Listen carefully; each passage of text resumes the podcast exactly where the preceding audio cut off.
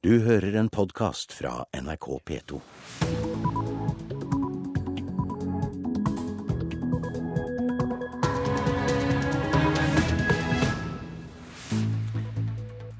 Det er mandag 16. april, en dag som blir preget av terrorrettssaken som begynner i Oslo tingrett. Her i studio Øystein Heggen, og nå klokka halv sju har vi disse hovedsakene i Nyhetsmorgen. Ikke alle overlevende fra Utøya kommer til å følge rettssaken som begynner i Oslo tingrett i dag. Sikkert, i motsetning til veldig mange andre, så har jeg tenkt til å, til å bare skjerme meg litt fra det. Bruke litt tid med venner. Bare blokkere alt dette her litt ute, da. Eh, og ikke følge det så veldig nært. AUF-er Torbjørn Væreide. AUF-leder Eskil Pedersen kommer i studio for å snakke om denne vanskelige, men viktige dagen. Etter valgene på Venstres landsmøte har partiet en toppledelse nesten uten EU-motstandere.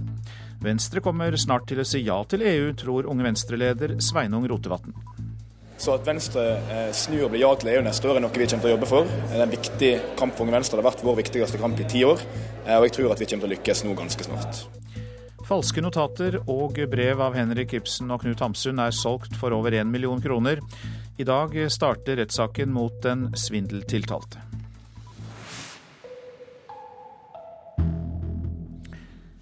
Det viktigste er at Anders Behring Breivik aldri slipper ut blant folk igjen. Det sier Torbjørn Væreide og Tor Mehammer, som begge var på Utøya 22.07. Et avgjørende spørsmål i rettssaken er om Breivik er strafferettslig tilregnelig eller ikke. Torbjørn Væreide sier det viktigste for han er at drapsmannen aldri kan gjøre noe mot noen igjen, og at folk må få lov å være sinte. Om man blir kasta inn i et eh, skittent uh, rottehull og må sitte der i all evighet, eller om man blir tvungen til å pusle med glansbilder på galehuset, så har det på en måte ikke så veldig masse for meg å si, så lenge han på en måte er bak lås og slå. I dag starter rettssaka som både pårørende og overlevende fra regjeringskvartalet og Utøya har venta på. Snart ni måneder etter at terroristen tok livet av 77 mennesker, skal den tiltalte snart få sin dom. Vereide var sjøl nær ved å bli skutt av Behring Breivik. Dette er noe av det han fortalte til NRK dagen etter terrorhandlingene. Så, så, kom, han, så kom, han, utkledd som en politimann, og så sa han at uh, det var trygt å komme fram fra gjemmeplassene. Og så sa han at uh, en båt hadde kommet for å redde oss. Da dro han fram pistolen som begynte han å skyte alle. Vi gjemte oss i ei hule som lå ned med vannet, og rett attmed hula der så lå det folk. Folk som enten var døde, eller folk som holdt på å dø. De som var på Utøya forholder seg ulikt til det som skal skje framover. Vereide sier han for sin egen del vil prøve å skjerme seg så mye som råd. Sikkert, i motsetning til veldig mange andre, så har jeg tenkt til å, å bare skjerme meg litt fra det. Bruke litt tid med venner. Bare blokkere alt dette her litt ute, da. Eh, og ikke følge det så veldig nært. Eh, for det tror jeg på en måte ikke er så veldig sunt. da. Men andre har behov for å se og høre, særlig starten av rettssaka. Tor Mehammer fra Florø sier han vil være til stades i Ålesund tinghus i dag og i morgen for å følge med på det som skjer i Oslo. Min plan, eh, som jeg avtalte med advokaten, var å følge med eh, et par dager da, bare for å få med meg hvordan egentlig han eh, Breivik oppfører seg da, og snakker sånn for egentlig legge vekk den fantasien jeg har om hvordan han er sjøl. Så jeg tror det kan være hjelp på å komme meg videre. I tillegg har Mehammer tenkt seg til Oslo i mai, når den delen av rettssaka som handler om den drepte Hanne Kristine Fritun fra Sogn og Fjordane, kommer opp. Da kan han komme til å sitte i samme rom som terroristen. Bare noe jeg må gjøre, liksom. Må hoppe ut i det, og ikke frykte det. og liksom møte frykten din. Både Vereide og Mehammer har ingen problemer med å si at de er sinte, og mener det må være lov. I dag ser det litt sånn der politisk korrekthet at folk holder litt inne. og Jeg syns det er merkelig at folk ikke har blitt enda sintere.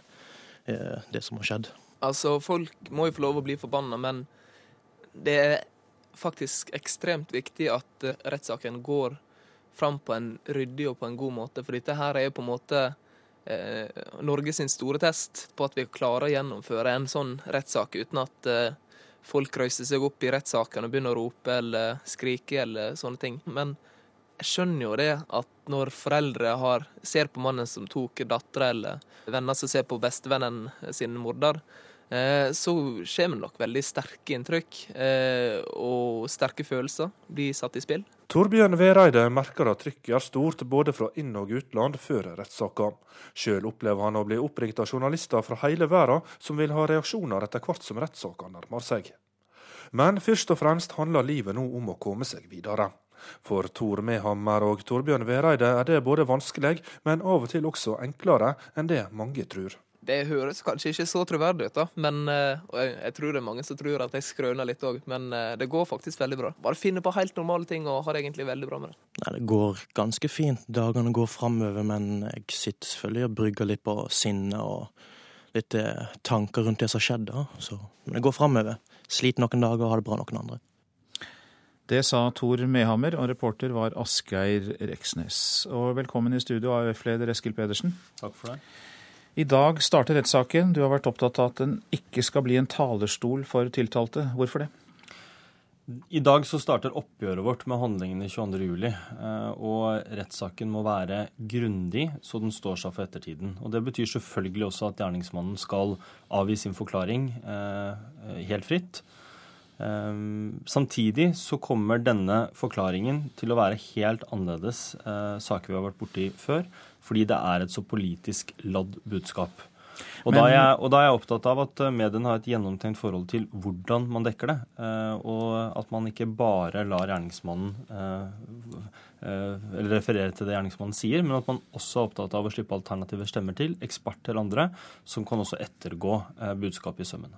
Men vi hørte jo her innslaget av AUF-ere som sa at man må møte frykten, men man må jo også møte standpunkten og møte det han sier. Mm, absolutt, og det skal vi gjøre. Og vi har gjort det også i den tiden som har gått etter 22.07, og det skal vi fortsette med. Det handler jo om vårt politiske arbeid, som er, som er grunnen til at vi var på utgangspunktet. Å bekjempe ekstreme holdninger eh, og rasisme. Så er jeg opptatt av at eh, rettssaken i utgangspunktet ikke er en politisk arena. Rettssaken er en arena for å ta et oppgjør med handlingene og lovbruddene. Eh, og Derfor så eh, kommer ikke jeg for eksempel, til å gå noe i dialog med gjerningsmannen. Gjerningsmannen har valgt å stille seg på utsiden av demokratiet, bruke vold og terror for å fremme sine meninger. Eh, og det er det vi skal ta et oppgjør med i rettssaken. Og så skal jeg bruke, sammen med Torbjørn og Tor og alle de andre, hver eneste dag resten av mitt liv på å bekjempe de holdningene som gjerningsmannen står for. Mange lyttere så sikkert BBC-intervjuet med deg gjengitt i Dagsrevyen i går. Da svarte du på kritikken mot at du forlot Utøya på ferga hjemme med Storbjørn. Hvorfor valgte du å snakke med en utenlandsk TV-stasjon om det? Jeg mener det er feil, og jeg mener at NRK har eh, referert eh, til den saken på en spekulativ måte. Jeg har eh, omtalt denne båtturen mange ganger. Jeg har gjort det i norske medier ved flere anledninger. Men hva er det spekulative? Det spekulative er jo da å f.eks. si at det er første gang eh, jeg noen gang omtaler denne saken, for det er feil. Altså Jeg omtalte bl.a. i et uh, lengre intervju på Senkveld på TV 2, uh, og også overfor i flere radioreportasjer, bl.a. med NRK. Så, så jeg, anser at jeg har snakket om alle de tingene jeg har snakket med BBC om, men det kommer ikke så godt fram på denne NRK-reportasjen. Men hvor viktig er det at vi nå eh, har eh, åpenhet om all kritikk, framfor å tie om kritikken? Det er viktig at vi har eh, et, et åpent ordskifte om 22.07, og det oppfatter jeg at vi har. og jeg vil jo si at AUF og AUF-ere har vist en eksepsjonell åpenhet siden 22.07. Jeg bruker det store flertallet av min arbeidstid på nettopp å snakke med mediene, fordi jeg syns det er så viktig at eh, AUF eh, fortsetter å fronte sitt budskap om demokrati, ytringsfrihet, toleranse. Eh, og fordi det er så viktig at folk i Norge kjenner historiene fra 22.07. og det som skjedde. Hvor forberedt er du sjøl mentalt på denne dagen? Jeg håper og tror at jeg er uh, forberedt. Jeg har i hvert fall tenkt mye over dette. Vi har uh, hatt uh, mange møter og pratet mye om hvordan vi skal håndtere rettssaken, mediene, det som nå kommer disse ti ukene. men det er klart at man kan jo ikke vite det før man sitter der. jeg tror det blir en spesiell opplevelse å sitte i rettssalen i dag, høre det som leses opp og, og det som spilles av, ikke minst. se de berørte rundt av, hvordan de reagerer. Også selvfølgelig å eh, være i samme rom som gjerningsmannen. Det kommer til å bli eh, en veldig spesiell dag. Mange takk for at du tok deg tid til å komme til Nyhetsmorgen, eh, AUF-leder Eskil Pedersen. Så ser vi på avisene. Bildet av en stor rød rose og tittelen 'Oppgjørets time' er på forsiden av Dagsavisen, sammen med navnene på alle dem den terrortiltalte drepte.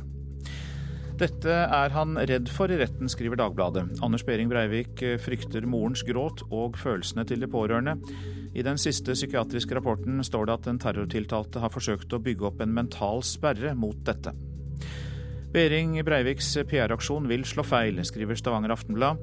Statsviteren Øystein Hetland mener tankegodset i den terrortiltaltes forklaring vil framstå som meningsløst. Marius Hoft er avbildet på forsiden av VG i bergveggen der han gjemte seg på Utøya. 18-åringen sier at han gleder seg til at Anders Behring Breivik får sin straff. Reiser bort under rettssaken, skriver Adresseavisen om Tor Ødegård, som mistet sin 17 år gamle sønn Håkon på Utøya. Så til Vårt Land, som skriver at vi ikke vet hvem som er biskop. Bare en tredel av kirkens medlemmer vet navnet på den som er biskop i sitt bispedømme. Det er bonanza for småleiligheter, får vi vite i Dagens Næringsliv. Små leiligheter har økt kraftig pris den siste tiden. Nei-sida er utradert i Venstres ledelse, er oppslaget i Klassekampen. EU-tilhengerne i partiet jubler. Og det er en sak vi straks skal høre mer om også her i Nyhetsmorgen. Taliban viste slagkraft ved å angripe flere av Afghanistans best bevoktede mål i går, skriver Aftenposten. Norske spesialsoldater deltok i kampene vil stenge halve byen, skriver Bergensavisen om faren for streik i restaurantbransjen. Denne gangen er vi klare for å streike for lønna vår, sier fagforeningsmedlemmer til avisa. Bønder har liten tro på egne inntekter, skriver Nasjonen. Bare 6% av bøndene tror den nylig vedtatte landbruksmeldinga vil gi dem økte inntekter. Det har vært eh, Venstre-landsmøte i helgen, og partiets leder Trine Skei Grande er nå den eneste EU-motstanderen igjen i Venstres sentralstyre. Det har EU-tilhenger Sveinung Rotevatn tenkt å utnytte. Jeg synes det er helt naturlig at det er et stort flertall som er for i et sentralstyre et liberalt parti. Det er også et stort flertall i landsstyret som er for, et stort flertall i programkomiteen som er for. Så at Venstre eh, snur og blir ja til EU neste år er noe vi kommer til å jobbe for. Det er en viktig kamp for Unge Venstre. Det har vært vår viktigste kamp i ti år, eh, og jeg tror at vi kommer til å lykkes nå ganske snart. Delte Venstre kan være i ferd med å bli et ja til EU-parti. Av de ni som nå er i sentralstyret, er partilederen eneste EU-motstander. Seks er tilhengere, to er ikke helt sikre. Også Guri Melby vil arbeide for at Venstre blir et ja-parti, og selv om hun tapte nestlederkampen i helga, har hun en sentral posisjon. Jeg er jo leder av programkomiteen, eh, og jeg kommer til å jobbe for at vi skal åpne litt mer opp for en positiv holdning til norsk medlemskap i EU. Ikke på kort sikt, men på lang sikt. Så du vil jobbe for at Venstre blir et ja-parti? Ja, det vil jeg jobbe for. Men flere av de EU-positive vedgår at EU-saka ikke er den viktigste i norsk politikk akkurat nå. Men på lang sikt tror de det kan ha noe å si at partiet nå er dominert av ja-folk. EU-motstander Trine Skei Grande tar det med ro. Jeg tror ikke at dette kommer til å komme på dagsordenen i kommende fireårsperiode. Ja, det sa Trine Skei Grande, Venstre-leder, og reportere det var David Krekling og Håvard Grønli. Kampene i den afghanske hovedstaden Kabul er over. Det melder den afghanske regjeringen og politiet i landet, ifølge nyhetsbyrået Reuters. Kampene i Kabul eh, pågikk siden i går. Meldingene fra offisielt hold går ut på at de siste militante opprørerne er drept. EUs utenriksminister Katrine Ashton sier at det er positivt at hviterussiske myndigheter i går satte fri to av de opposisjonspolitikerne som lenge har sittet fengslet. EU har innført strenge sanksjoner mot Hviterussland for landets behandling av opposisjonen i landet.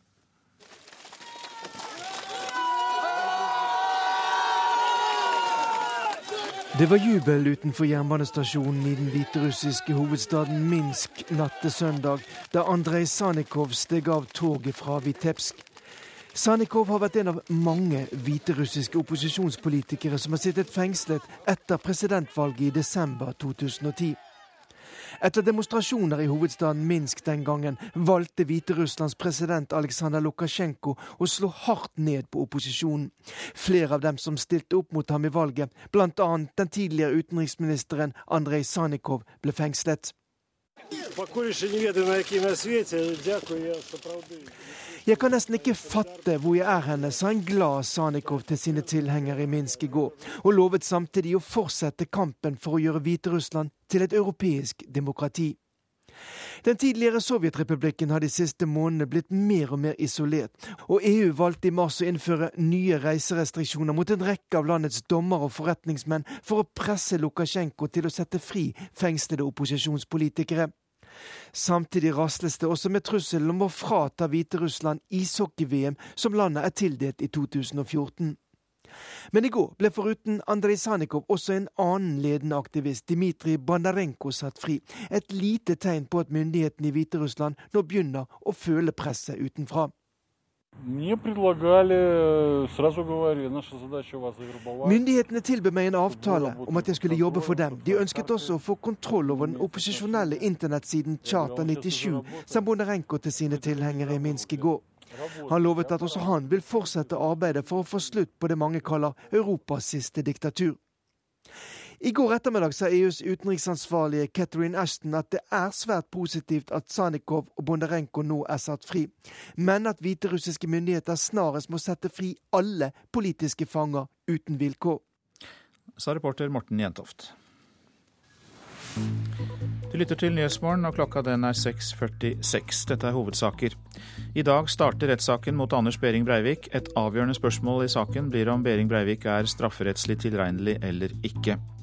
Etter valgene på Venstres landsmøte har partiet en toppledelse nesten uten EU-motstandere. Venstre går mot et ja til EU-standpunkt, tror unge Venstre-leder Sveinung Rotevatn. Og vi skal snart høre at falske notater og brev av Henrik Ibsen og Knut Hamsun er solgt for over én million kroner. I dag starter rettssaken mot den svindeltiltalte. Nå til eh, Oslo tinghus. Eh, der eh, er du reporter Per Arne Bjerke. Og hvordan er situasjonen nå kort tid før rettssaken skal begynne? Ja, her er det allerede et stort antall pressefolk som har samlet seg. Det er pressefolk fra hele verden. Det er jo en enorm interesse for denne saken. Ca. 800 mediefolk fra 200 redaksjoner skal dekke rettssaken. Så er det utenfor sperringen her. og Klokka sju så slipper vi da inn i tinghuset. Sperringene som omgir tinghuset er da blitt pyntet med røde roser i løpet av natta. Dette symbolet som var jo ble et symbol for hele nasjonen i de dramatiske dagene etter 22.07. Så nå står vi da og venter på å komme gjennom sikkerhetsopplegget her. Det er jo laget et sikkerhetsopplegg som kan sammenlignes med det som møter oss på en flyplass. Det er jo da mange mennesker som skal inn i tinghuset, og du vet jo da ennå ikke noe om hvordan det går, an, går å få alle inn. Men uh, hva tror uh, de som arrangerer denne rettssaken om mulighetene for å få alle på plass før saken begynner? Jeg tror de har god kontroll på dette. Dette har vært forberedt i mange måneder. Og jeg tror at uh, tingretten har god kontroll på dette. At vi kommer til å få en veldig verdig og ordentlig rettssak. Enkelte har jo hevdet at dette kan utvikle seg til et sirkus. men jeg føler meg nokså trygg på at det som kommer til å skje inni sal 250 senere i dag, det kommer til å foregå i verdige former. Retten den åpner da klokka ni, som vi vet. Da erklærer dommer Wenche Elisabeth Arntzen retten for satt. Og så skal aktor lese opp tiltalen. Hun kommer da til å gå igjennom alle de 77 drapene. Hun kommer også inn på flere av de som ble skadd. I alt er det 119 ofre og skadde som er nevnt i tiltalen. Noe av det som også skjer i formiddag, er at eh, tiltalte blir spurt, spurt om han erkjenner straffskyld. Og det er ventet at Anders Behring Breivik vil si at han ikke erkjenner straffskyld. At han vil påberope seg nødverke, nødverge for å bekjempe denne, det han kaller multikulturalismen. Nå nevnte du jo at det er som å komme inn på en flyplass, eh, sikkerhetsopplegget eh, for de som skal inn. Men er det et utvidet sikkerhetsopplegg også for øvrig rundt tinghuset? Ja, det er jo det rundt hele tinghuset. Som jeg sa, så er det satt opp sperringer rundt hele området her. Og det er politifolk og vakter overalt her. Og så er det jo også veldig preget av dette enorme medieoppbudet. Det er da arrangert mobile, mobile studioer her fra flere TV-stasjoner. Det er sendebusser her, og det er også flere TV-stasjoner som har satt eh, sine sendebusser på Tullinløkka like borti gata her. Takk skal du ha, Per Arne Bjerke, som altså er utenfor eh, Oslo tinghus. For mange unge blir det vanskelig å takle rettssaken mot Anders Behring Breivik, men ved mange av landets skoler er elever og lærere godt forberedt. I Trøndelag er flere skoleelever direkte eller indirekte berørt. Rektor ved Levanger videregående skole, Odd Inge Strandheim, han setter ord på det mange føler. Jeg gruer meg til rettssaken sjøl, som, som, personlig. Og jeg er veldig spent på hvilke reaksjoner vi vil få eh, i, i befolkninga, og, og, kanskje og blant utsatte grupper som ellers. Eh, jeg tror det blir veldig tøft. Sier rektor ved Levanger videregående skole, Odd Inge Strandheim. Han føler seg godt forberedt på skolens og på helsevesenets vegne. De ungdommene som var på Utøya, og dem som står dem nær, har fått oppfølging hele tida siden dagen da Anders Behring Breivik tok livet av 77 mennesker, med bomber i regjeringskvartalet og ved systematiske drap av unge AUF-ere på Utøya. Å se venner bli skutt setter spor. Ved Byåsen videregående skole kom seks elever tilbake fra Utøya. De er også forberedt på rettssaken som starter i dag, sier rektor Geir Vikan. Det er klart det her elevene eh, har hatt en usedvanlig sterk opplevelse på Utøya. Det vi har vært opptatt av, er at det her er seks enkeltpersoner. Det er for øvrig flere elever enn dem som var direkte berørt her på skolen, som er indirekte berørt. De har hver sine behov. De har uh, ulike utgangspunkt, også for rettssaken. Sånn at vi prøver å behandle dem som enkeltpersoner, men gir dem den hjelp, støtte og uh, organiserer uh, arbeidet rundt dem så godt vi klarer. Hvordan kan man forberede seg til noe sånt? Altså, nå er det jo et stort apparat rundt denne saken. Er, vi er jo skole, vi driver opplæring. Vi kan tilrettelegge rundt det her med fravær, rundt det her med karaktersetting, rundt det her med eksamen. Det er mange sånne praktiske ting. Eh, vi kan gi elevene eh, et ekstra år i opplæringa for å fullføre. Eh, mange sånne praktiske ting. Og så er det den mer helsemessige biten som helsevesenet skal ta seg av. Det er jo et godt tilbud der. Vi som skole kan hjelpe elevene i forhold til å få helsehjelp. Eh, da må de ønske det sjøl gjennom sine foresatte. Vi kan ikke pålegge dem det. Og så er det jo en støttegruppe som jobber. Det sa rektor ved Byåsen videregående skole, Geir Vikan. Og reporter var Lars Erik Skjærseth. Terrorangrepene 22.07 skapte enorm interesse hos medier verden over, og nå når rettssaken starter, så er den internasjonale pressen tilbake i Oslo. Reporter Thomas Alvarstein Ove, du er på det internasjonale pressesenteret på hotell Bristol i nærheten av Oslo tinghus. Og hvor, eh, stor hvor stor er interessen fra utlandet? Interessen er eh, enorm. Det er samlet medier fra 25 eh, land som er her i dag for å følge i hvert fall den første delen av, av rettssaken. og Det inkluderer også land som Kina, Japan og Australia. Eh, vi har flyttet oss eh, tilbake til utenfor tinghuset, der flere TV-stasjoner, deriblant Sveriges Televisjon, allerede er i gang med sendinger herfra til morgennyhetene. Og Vi har med oss eh, gruppeleder for kriminaljournalistene i Sveriges Televisjon, David Furman. Dere har ganske mange personer i Oslo i dag. Hvor omfattende blir SVTs dekning av denne saken? Ja, dekningen blir enorm. Vi, som sagt, vi har redan börjat sända nu på morgonen och gått igång. Vi kommer följa rättegången hela dagen. Vi är nästan 16 personer på plats här nu och i tv-sammanhangen det är ganska mycket. Det här är den största satsningen som vi har gjort på en utrikesbevakning om man räknar bort OL eller stora sportevenemang. Ja, hvorfor satser ni så tungt på denne saken? För att vi, vi har nog samma frågor som, som norrmännen har. Vi har ju följt det här dramat från första stund. Många av NRKs tv-sändningar gick ut direkt i svensk television och, och de har suttit i sina vardagsrum och i sina soffor och sett det här rullas upp. Och, och, vi delar verkligen sorgen och, och framförallt frågorna med det norska folket. Hur det kunde ske, vad som har hänt och så vidare. Men eh, dekningen deres vil eh, likevel kanskje skille seg noe fra, fra, det NRK skal gjøre og norske medier. Hva blir hovedfokus for dere?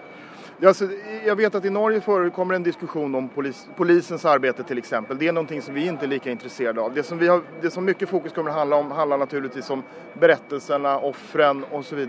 Men også med stort intresse så følger vi eh, den rättspsykiatriska delen, huruvida eh, Breivik anses tillräknelig eller inte. Det är någonting som vi intresserar oss av och där fokus ligger. Det är den norska polisen som är inblandade så vi är inte lika intresserade av detaljer kring polisutredningen och så vidare och vad, om polisen har skött sig. Hvordan tror du det blir å, dekke denne saken for, for deg og dine journalister?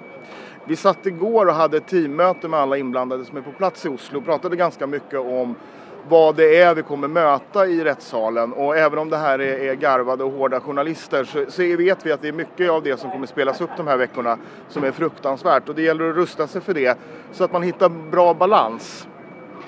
Og Mange av de internasjonale mediene blir her en uke eller to i første runde og tar noen eh, pauser før de i hvert fall kommer tilbake igjen for å følge slutten av eh, saken her i Oslo tingrett.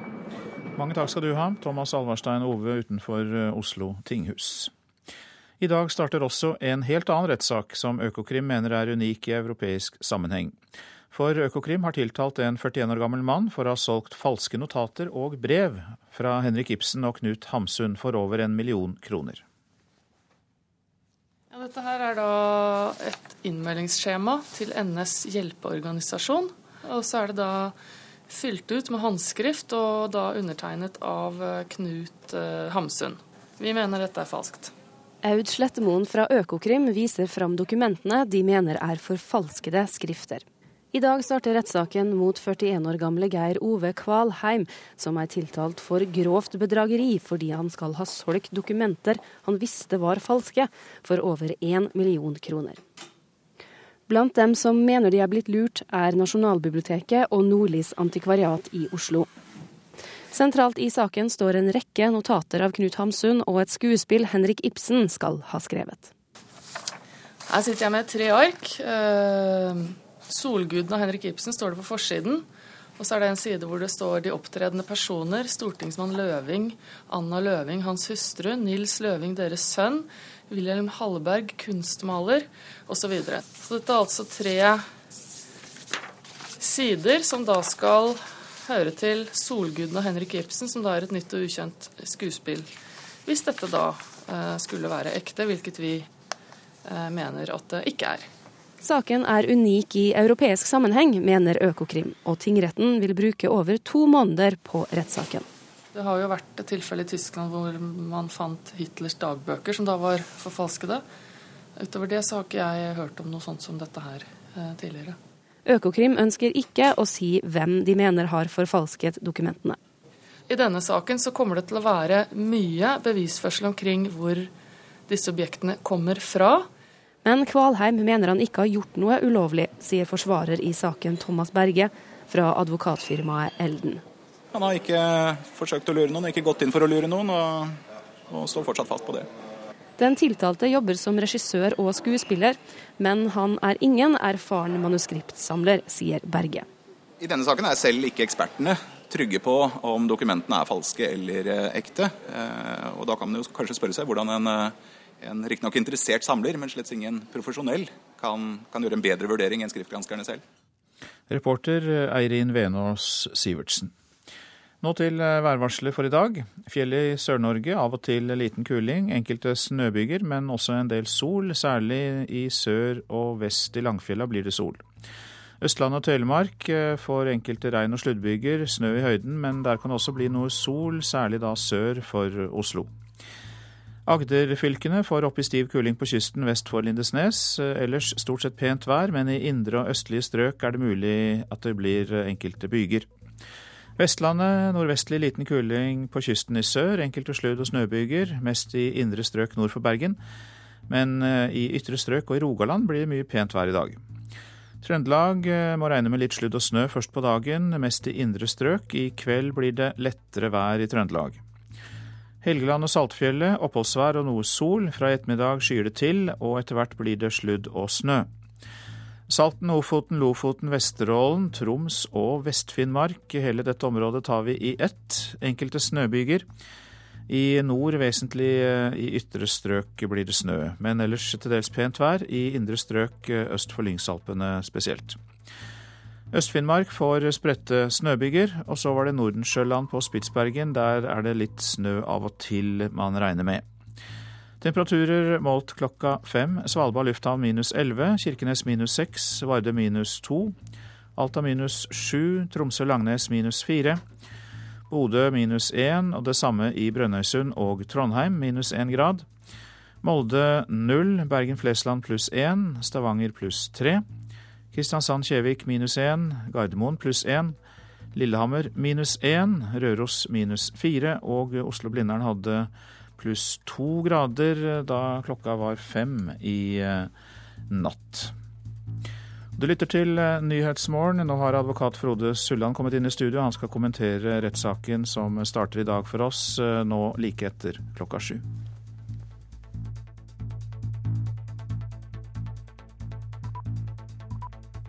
Du hører en podkast fra NRK P2.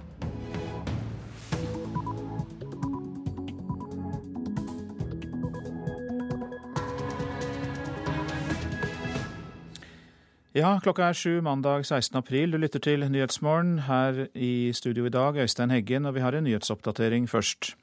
Anders Behring Breivik har i politiavhør sagt at han ser fram til å spre sin ideologi når rettssaken starter i dag. Jeg tenker at man ikke skal være så redd for å høre han snakke. Jeg tror det er viktig at vi får høre hans forklaring på hvem han er og hvorfor han gjorde det. Statsadvokat Inga Beyer Eng. Leder for støttegruppa etter 22.07, Trond Blattmann, skal i dag se Anders Behring Breivik for første gang. Det kommer til å bli en tøff opplevelse å se gjerningsmannen eh, eh, i retten, fordi at det har ikke jeg gjort før. Eh, men jeg tenker at det er noe en må igjennom. Terrorrettssaken gir nye utfordringer for skolene, med elever som var på Utøya 22.07 i fjor. Eh, etter landsmøtet i helgen er Venstre-leder Trine Skei Grande den eneste EU-motstanderen igjen i Venstres sentralstyre. Venstre går mot et ja til EU, tror unge Venstre-leder Sveinung Rotevatn. Jeg synes det er helt naturlig at det er et stort flertall som er for i et sentralstyre et liberalt parti. Det er også et stort flertall i landsstyret som er for. Et stort flertall i programkomiteen som er for. Så at Venstre eh, snur og blir ja til EU neste år, er noe vi kommer til å jobbe for. Og Vi skal også høre om en mulig bro over Ytre Oslofjord som må til for å løse transportbehovet. Det mener i hvert fall en rådgivningsgruppe. Anders Behring Breivik har i politiavhør sagt at han ser fram til å spre sin ideologi når rettssaken starter i dag. AF-leder Eskil Pedersen ønsker ikke at gjerningsmannen skal få en talerstol. Men det er et viktig rettsprinsipp å la tiltalte snakke fritt. Det sier statsadvokat Inga Beyer Eng. Jeg tenker at man ikke skal være så redd for å høre han snakke. Jeg tror det er viktig at vi får høre hans forklaring på hvem han er og hvorfor han gjorde det. Fra i dag og ti uker framover vil Anders Behring Breivik være i sentrum i Oslo tingrett. Omgitt av pressefolk som vil gjengi det han sier i retten. Flere har hevdet at de er redd for at Breivik skal få en talerstol i retten. Det er ikke Beyer-Eng. Det er ikke snakk om å få en talerstol eller ikke. Det er snakk om at han skal ha de rettighetene som enhver som er tiltalt i en straffesak har. Er du tiltalt i en straffesak, så har du rett til å forklare deg for retten. Breivik vil mest sannsynlig begynne å forklare seg i morgen. Det er satt av fem dager til hans forklaring. Beireng sier det er viktig at retten får høre hvordan han er. I denne saken så er det jo et avgjørende spørsmål hvorvidt eh, tiltalte er tilregnelig eller ikke. Og så klart at Da er hans forklaring viktig. Altså Retten har jo ikke lest et eneste av avhørene av han. De, vet, har ingen saksdokumenter, så de vet egentlig presentivt ingenting om han.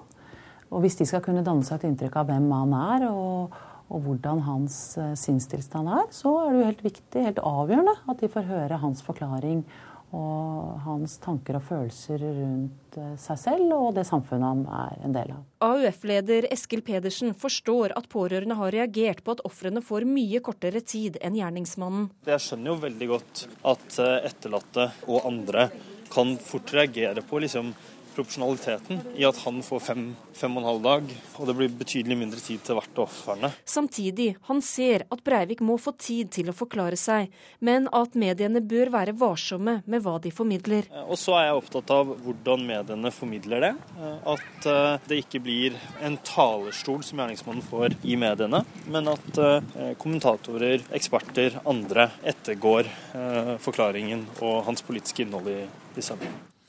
Reportere Ellen Omland og Siv Sandvik. God morgen, advokat Frode Sulland. God morgen. Du er kommet til studio. Du er eh, ekspertkommentator for NRK eh, i forbindelse med denne saken. Tiltaltes tilregnelighet blir et hovedspørsmål. Hvordan mener du aktoratet bør forholde seg til at vi har to motstridende rapporter?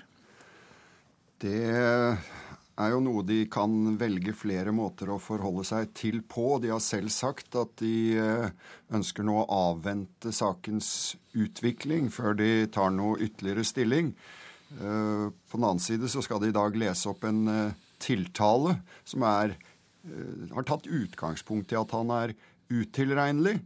Jeg tenker vel at det hadde vært fint for alle om man hadde fra starten av visst om påtalemyndigheten fastholder det, eller om de nå Eh, ønsker å arbeide for at han skal bli ansett tilregnelig. Men aktoratet sier jo at det er viktig å følge tiltalte under saken eh, før de tar endelig stilling til dette spørsmålet. Er ikke det også en fornuftig strategi? Jo, det er det så absolutt. Eh, og det kan eh, være slik at både for aktoratet, for retten og for de sakkyndige ikke minst, at hans opptreden under saken vil kunne gi et sikrere og bedre bilde av de forholdene som er avgjørende for tilregneligheten. Og Så skal jo dommerne ta den endelige avgjørelse her. Eh, hva tror du de vil se etter for å gjøre seg opp en mening om tilregnelighet? Jeg tror de vil eh, benytte sin eh, erfaring. De har helt sikkert begge to vært, når vi snakker om de juridiske dommerne, vært utsatt for en tilsvarende utfordring før, å vurdere folk som er i grenselandet for tilregnelighet eller ikke. Og så vil de bruke sin alminnelige sunne fornuft. hva slags inntrykk gir denne mannen? Og så er det dette med at eh, vi eh, går mot den største rettssaken i Norge i etterkrigstiden. Hva tror du om mulighetene for en sak i verdige former? Det tror jeg vi skal rett og slett forvente at dette blir. Eh, det er et hva skal vi si, et regelverk som iscenesetter denne saken helt etter ordinære rettsprinsipper. Og vi har to dommere som jeg er helt sikker på vil klare å styre dette på en verdig måte. Begrepet talerstol er blitt brukt av mange forut for denne rettssaken. og Vi hørte jo nettopp også AUF-lederen frykte at uh, Anders Behring Breivik skal uh, bruke denne rettssaken som en talerstol. Uh, hva tror du risikoen er for det? Jeg vet ikke helt hva man legger i dette, at man frykter en talerstol. det er jo som statsadvokaten sier, helt åpenbart at det er ønskelig at han forklarer seg, og det er en rettighet han har.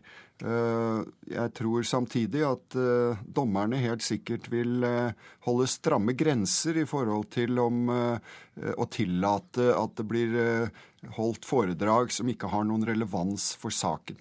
Ja, og da tenker du på mer politisk ladede ideologiske saker som han eventuelt vil komme med? Ja, altså han eh, har jo rett til å begrunne hvorfor han gjorde dette. Og i det så ligger det jo åpenbart ideologisk tankegods uh, fra hans side. Men uh, det trenger ikke ta veldig lang tid. Og jeg tror uh, historiske, politiske, religiøse, filosofiske innfallsvinkler til dette vil bli begrenset, og at retten vil holde ganske stramme tøyler på dette. Det er satt av ti uker til denne saken. Det er jo lenge, men den er jo også så omfattende. Kommer de til å holde? Jeg er redd for at det kan bli problematisk. Eh, erfaringen med lange rettssaker er jo at eh, det alltid dukker opp ting underveis. Nå har vi vel allerede fått uh, vite at uh, Breivik kommer ikke i gang med sin forklaring i dag, uh, slik man opprinnelig tenkte. Og da har man allerede på dag én forsinket dette noe i forhold til oppstarten. Men det er, må man huske på, et utall personer som skal ut og inn av denne saken. Det kan skje forsinkelser med reise, sykdom osv. Og, så og så kommer altså dette tilregnelighetsspørsmålet inn med en helt annen tyngde enn man hadde tenkt seg da man satte opp timeplanen. Så jeg håper at man ikke vil se timeplanen som noen tvangstrøye, men bruke den tiden man trenger for å få saken godt opplyst. Mange takk for at du kom i studio, advokat Frode Sulland, vår ekspertkommentator eh, under eh, denne saken. Ja, den eh, saken starter jo da klokka ni, og eh, Andreas Helgesen husker vi filmet de dramatiske TV-bildene av regjeringskvartalet i ruiner, som vi da så om igjen og om igjen etter 22.07. Han var eh, nylig tilbake inne i regjeringskvartalet for første gang siden bomben eksploderte. Det er rart, rett og slett. Litt, litt tungt. En mann går stille fram og tilbake foran et stort hull i bakken ved regjeringskvartalet i Oslo. Andreas Helgesen er tilbake der bomben smalt. Den dagen alt ble annerledes for Norge. Det kommer jo veldig mye nærmere igjen, hele opplevelsen egentlig, med å komme tilbake her. Det gjør det. Han husker godt hva som skjedde her 22.07. Hallo? Er det noen som trenger hjelp? Med eget kamera filmer han kaoset. Trasker i glassbiter, ser restene av en bil, leter etter overlevende. Men han glemmer aldri den skadde kvinnen han så liggende livløs på bakken.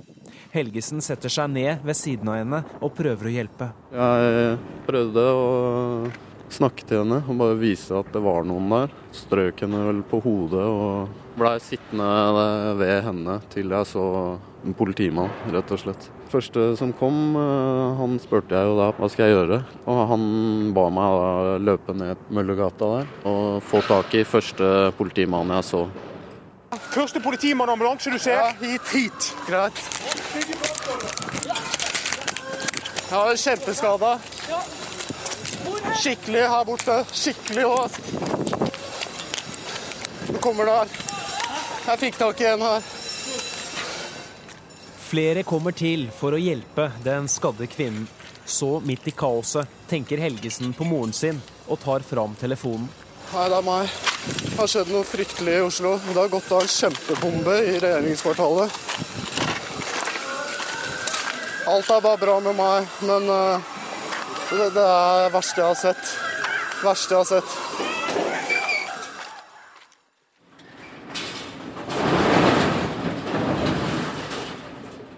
En gravemaskin flytter jernstenger bak Helgesen. Regjeringskvartalet har blitt en byggeplass nå. Helgesen ser ned på de krokete jernstengene som stikker ut fra hullet der bombebilen sto. Det er tragisk at det finnes eh, personer, egentlig, person som kan finne på å tro at det er riktig å gjøre disse grusomme handlingene. Det er helt eh, det er uforståelig, egentlig, at det er mulig. Men det er det jo, tydeligvis.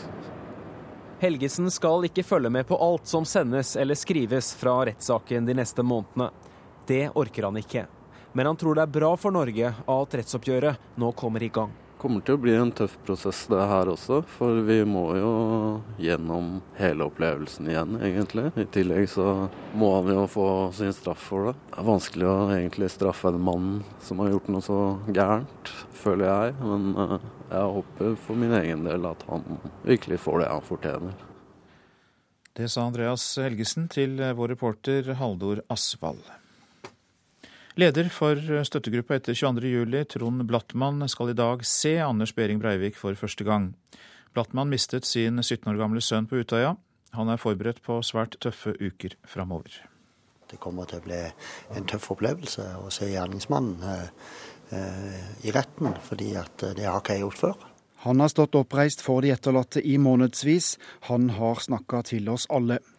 Trond Blattmann har vært stemmen til de som mista noen eller ble skada 22.07.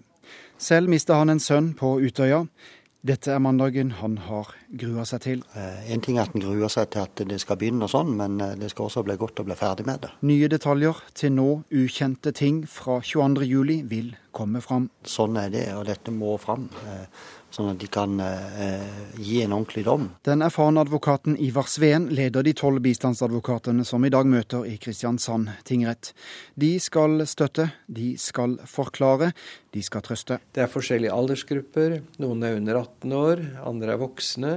Noen er robuste, noen har vanskeligheter med å samle seg, og noen har vanskeligheter med å styre følelser. Så her er det mange utfordringer sa Trond Blattmann, som altså er leder for støttegruppa etter 22.07. Reporter Eirik Damsgaard. Lytter til Nyhetsmorgen, og klokka går mot 7.14. Dette er hovedsaker. Anders Behring Breivik har i politiavhør sagt at han ser fram til å spre sin ideologi når rettssaken starter i dag. Statsadvokat Inga Beyer Eng sier det er viktig at Breivik får fortelle hvem han er. Kampene i den afghanske hovedstaden Kabul skal være over. Siste opprører ble drept for kort tid siden, melder myndighetene. Venstre går mot et ja til EU-standpunkt, tror Unge Venstre-leder Sveinung Rotevatn.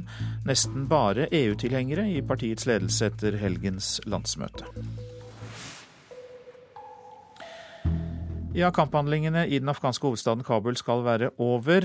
Og utenriksmedarbeider Halvard Sandberg, det har jo vært meldt tidligere at de er over, men det stemte ikke. Så hvor sikre er man nå?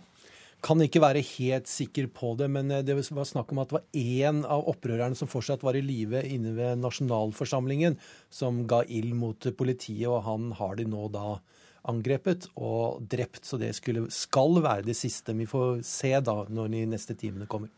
Dette ble av Taliban selv kalt eh, starten på våroffensiven. Og eh, hva mener de med det? De mener at dette skulle være en stor symbolsk koordinert eh, aksjon som skulle vise at de hadde mye makt fortsatt. Og de hadde jo da evnen til å kunne storme tre-fire forskjellige mål i Kabul. Eh, men som våroffensiv så var ikke den første starten her så veldig effektivt rent militært. Kanskje symbolsk var den, men rent militært så er det lett å kalle det en fiasko. Det er iallfall det eh, amerikanerne sier nå. De ble temmelig raskt eh, slått ned av afghanske sikkerhetsstyrker. Norge har jo styrker i Kabul. Hvilken rolle har de spilt? Nå er De norske spesialsoldatene de skal eh, bistå og gi råd til det, eh, det, afghanske spesialpolitiet som skal eh, gjennomføre slike aksjoner. Vi har jo sett bilder av dem i kamp. De har hatt en veldig aktiv rolle i denne situasjonen. her. Men dette kommer jo fra tid til annen angrep i Afghanistans hovedstad Kabul, i hjertet av byen. Hva viser dette omverdenen om situasjonen i Afghanistan? Den viser at eh, Taliban fortsatt har en god del gjennomføringsevne og makt til å gjøre slike ting som det, og også gjennomføre slike symbolske handlinger. Men det det også viser, er at det afghanske sikkerhetsapparatet eh, nå er i stand til å slå ned slike ting. Og det er jo for så vidt gode nyheter for Afghanistan. Mange takk for den oppdateringen, utenriksmedarbeider Halvard Sandberg. Vi tar med at USAs president Barack Obama vil innføre flere sanksjoner mot Iran dersom det ikke blir noe gjennombrudd etter samtalene om atomprogrammet. Det sa han under en pressekonferanse i den colombianske byen Cartagena. Seks vestlige nasjoner, blant dem USA, har hatt møte med Iran om landets atomprogram, og Obama mener Iran bør være mer åpen for anrikning av uran utenfra. I Mali har væpnede menn bortført en sveitsisk kvinne i den opprørskontrollerte byen Timbuktu. Kvinnen skal ha nektet å forlate hjemmet sitt da islamistene overtok kontrollen over byen først i april. Det ble sagt at hun var den siste vestlige personen som bodde i Timbuktu. Valglokalene har åpnet i andre valgomgang for presidentvalget i Øst-Timor. Opposisjonsleder Francisco Guterres kjemper mot den tidligere geriljalederen Taur Matan Ruak i dette oppgjøret om hvem som skal bli Øst-Timors neste president. Sittende president, fredsprisvinner og menneskerettighetsforkjemper José Ramos Horta tapte første valgomgang og er altså ikke med i andre. Så til valgkampen i Frankrike, som tilspisser seg. I går målte de to ledende kandidatene krefter. President Nicolas Sarkozy og sosialistenes kandidat Francois Hollande. På samme dag, på samme tid og i samme by inviterte de begge til gigantisk folkemøter.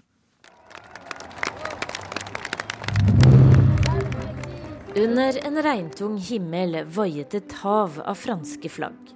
På Place de la Concorde, midt i hjertet av Paris, var titusenvis av entusiastiske Nicolas Sarkozy-tilhengere samlet. Parmi les candidats qu'on nous propose, il est le seul à pouvoir contribuer à ce que la France reste. Blant kandidatene er han den eneste som kan sikre at Frankrike forblir en stor nasjon, sier en av de fremmøtte, Christine Biot. vous avez sur le cœur. Dites ce que vous voulez pour votre pays. Dites-le haut. Dites-le fort. Dites-le maintenant. På fem storskjermer kunne hun og titusenvis av andre få med seg en tordentale fra president Nicolas Sarkozy. Nicolas, det stille flertallet er med deg, sier Philippe Cellier og peker på det som står på en plakat han holder i hendene. Det stille flertall, det er alle oss som aldri blir hørt i media og i meningsmålinger. Men 6. mai vil han få flertall i stemmeurnene, sier Celier.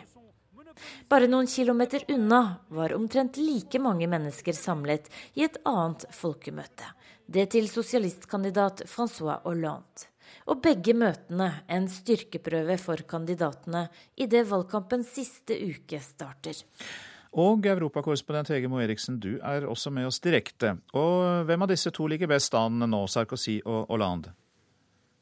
Ja, Foreløpig er de ganske jevnbyrdige på målingene etter første valgomgang. De ligger på rundt 28-29% begge to. Men i andre valgomgang, for det er jo to valgomganger i Frankrike, og i andre omgang viser målinger at uh, sosialistkandidat Hollande ligger uh, an til å vinne med klar margin.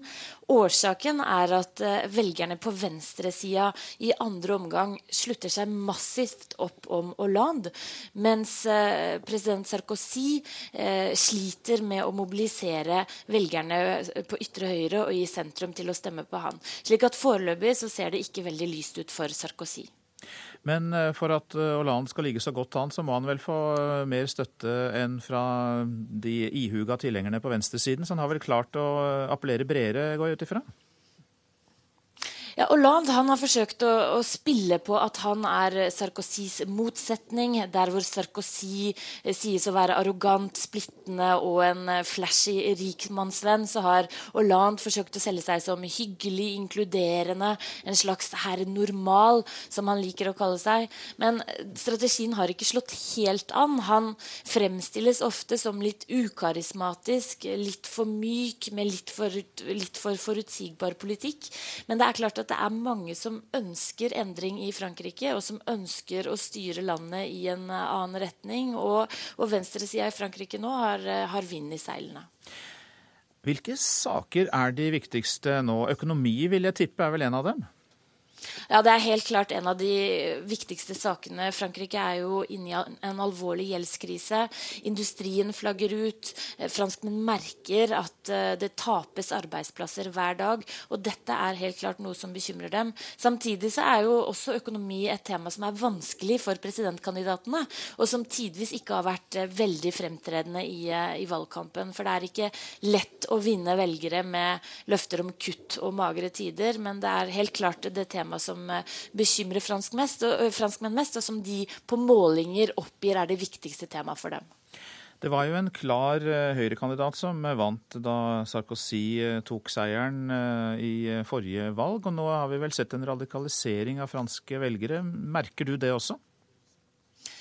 Ja, Det er helt klart en, en, radikalisering av franske velgere. Vi ser at rundt 30% nå stemmer eh, enten til ytre høyre på, eh, eh, på, Marine Le Pen, altså datteren til Jean-Marie Le Pen, eller de stemmer på ytre venstre.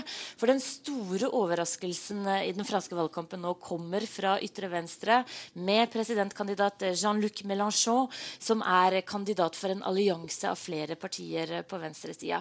Han samler nå hundretusenvis av mennesker på sine folkemøter og har med sine flammende taler klart å oppildne fransk venstreside. Han kan selvfølgelig ikke vinne valget, men han kan få viktige forhandlingskort på hånden for å få videre politisk innflytelse.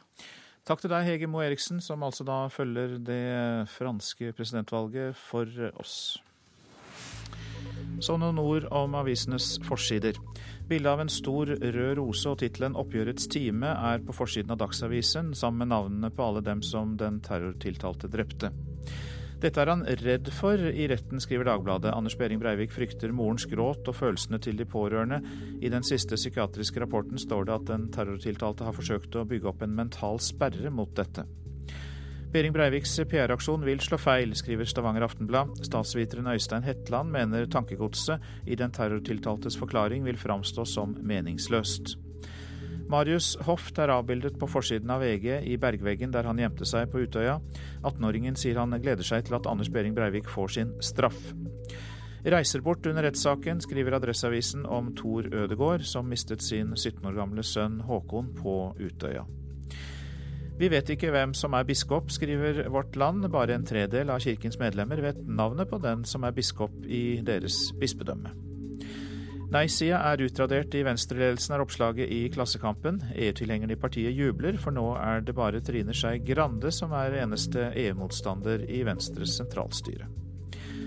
Taliban viste slagkraft ved å angripe flere av Afghanistans best bevoktede mål i går, skriver Aftenposten, og norske spesialsoldater deltok i kampene vil stenge halve byen, skriver Bergensavisen om faren for streik i restaurantbransjen. Denne gangen er vi klare for å streike for lønna vår, sier fagforeningsmedlemmer til avisa.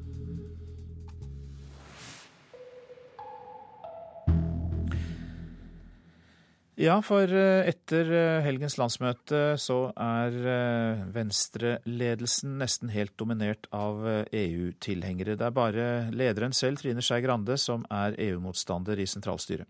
EU-tilhengerne Sveinung Rotevatn og Guri Melby har tenkt å jobbe for at Venstre programfester et ja til EU-standpunkt nå. Jeg synes det er helt naturlig at det er et stort flertall som er for i et sentralstyre et liberalt parti. Det er også et stort flertall i landsstyret som er for. Et stort flertall i programkomiteen som er for. Så at Venstre eh, snur og blir ja til EU neste år, er noe vi kommer til å jobbe for. Jeg er jo leder av programkomiteen, eh, og jeg kommer til å jobbe for at vi skal åpne litt mer opp for en positiv holdning til norsk medlemskap i EU. Ikke på kort sikt, men på lang sikt. Så du vil jobbe for at Venstre blir et ja-parti? Ja, det vil jeg jobbe for. Det sa Guri Melby, og reporter det var eh, Håvard Grønli. Mange skikjørere unnlater å melde fra når de utløser snøskred. Det forteller leder i Berg Røde Kors, Bent Einarsen. Senest i påska ble en franskmann tatt av et snøskred i fjellene ved Senjahopen. Verken politi eller Røde Kors ble varslet, forteller Einarsen. Han hadde faktisk hoppa ut på en skalvær med vilje. Og eh, da løsna skalvelen, og så ble han da tatt. Det var vel armen stakk opp, men ellers var hodet og alt begravd. Så eh, de andre i turfølget rant ned på ski til han og fikk grova han opp. Ifølge politiet har man ingen lovregulert rapporteringsplikt dersom man utløser snøskred eller blir tatt av ras. I offpist-miljøet kan det også være flaut å melde fra. Det sier Bent Vidar Eilertsen, som driver fjellguiding på Senja. Mange syns det er litt flaut å bli tatt av, en, av et skred. Da har du liksom gjort en feilvurdering, føler mange. sånn at jeg tror det er mange som ikke melder om sånne ting. Ja, hvilke konsekvenser kan, kan det få, at man ikke varsler om sånt? Nei, Den første umiddelbare konsekvensen er jo at folk fra andre fjelltopper ser at det har gått et skred, og at det har gått, går spor inn i det, og rapporterer det inn. At det blir en stor redningsaksjon som er både kostbar og kanskje setter andre i fare. Og andre konsekvensen på litt sånn lang sikt er jo at uh, erfaringer går jo tapt. Det, det, er også en viktig ting med det. Bent Vidar Eilertsen sa det, og reporter det var eh, Linda Pedersen. Samordnet eh, opptak til universitet og høgskoler i Norge utsetter søknadsfristen med ett døgn etter at flere søkere har hatt problemer med å komme inn på nettsidene. Det skriver eh, VG. Og søknadsfristen blir nå utsatt til eh, midnatt i dag. Og dette gjaldt altså samordnet opptak til grunnstudium ved 47 universiteter og høyskoler her i landet. Det bør brygges bru over Ytre Oslofjord. Det mener flertallet i en rådgivningsgruppe Statens vegvesen har etablert. 100 personer var invitert for å gi råd om en framtidig fast fjordforbindelse. Fra to til fire, så kommer hit mellom to og fire, så kan det fort bli to-tre timer. To-tre timer på kaia? Du kommer ikke inn på kaia. Det er fullt her. Hei. Kenneth Bjørkli nærmer seg fergekaia i Horten i en semitrailer fullastet med søppel. Transporten går fra Tønsberg til forbrenningsanlegget på Øra i Fredrikstad. Og selv om det går fem ferger i skytteltrafikk over Oslofjorden, vet han aldri hvor lang ventetiden blir. Jeg skal levere varer til en bedrift som stenger klokka fire. Veldig ofte så står vi her borte og må ringe Dere må vente på oss på overtid. Vi er en systematisk fremgangsmåte for å generere konsepter. På Høgskolen i Vestfold, fem minutters kjøring fra kaia i Horten, er et hundretalls personer samlet. De skal komme med ideer til en mer effektiv kryssing av Oslofjorden. Tre alternativer peker seg ut, sier prosjektleder i Statens vegvesen, Anders Jordbakke. Det er jo på et eller annet vis å lage en fast forbindelse mellom eh, Moss og Horten, eller eh, lage et bedre ferjetilbud. Går det an å tenke seg det? Og vi har også eh, sannsynligvis et nordlig alternativ vi bør se for, en slags Svelvik-forbindelse med å bruke Oslofjordtunnelen som utgangspunkt og koble den mer direkte på E18. Poenget er jo at, at vi må få med oss Telemark og Agder, ikke sant? Og de 100 personene er fagfolk på samferdsel, kommune- og fylkespolitikere, næringslivsfolk og representanter for berørte organisasjoner. På dag to av idéverkstedet lander de fleste på at en bro mellom Horten og Moss må til. Blant dem samferdselspolitiker Erik Andersen i Vestfold fylkeskommune. For Jeg tror det vil avlaste veldig mye av trykket vi har mot Oslo. Jeg tror også det er en god forbindelse mellom vår region og kontinentet, slik at vi blir mer sammenknyttet rent sånn samferdselsmessig. Ei Oslofjordbru vil koste opp mot 50 milliarder kroner, og kan i lengde sammenlignes med Øresundsforbindelsen mellom Sverige og Danmark. Vi må se på om dette er eh, hva skal vi si, om kostnadene forsvarer den effekten vi kan få. Også lastebilnæringen ønsker seg ei gigantisk Oslofjordbru. Og mens brua er på idéplanet, må Kenneth Bjørkli stå over den neste ferga. Nå er jeg her 25 minutter før ferga gikk, og kom likevel ikke med. Reporter her, Lars Håkon Pedersen. Brutal vold og et samfunn som ikke kan garantere sine borgere et minimum av trygghet. Slik er det i Ukraina, som vi skal høre en reportasje fra etter Dagsnytt. Venstres valg av regjeringssamarbeid er tema i Politisk kvarter. Den nyvalgte lederen av Rød Ungdom kommer også i studio der. Produsent for Nyhetsmorgen i dag, Ulf Tannes Fjell. Her i studio, Øystein Heggen. Og nå Dagsnytt med Silje Sande.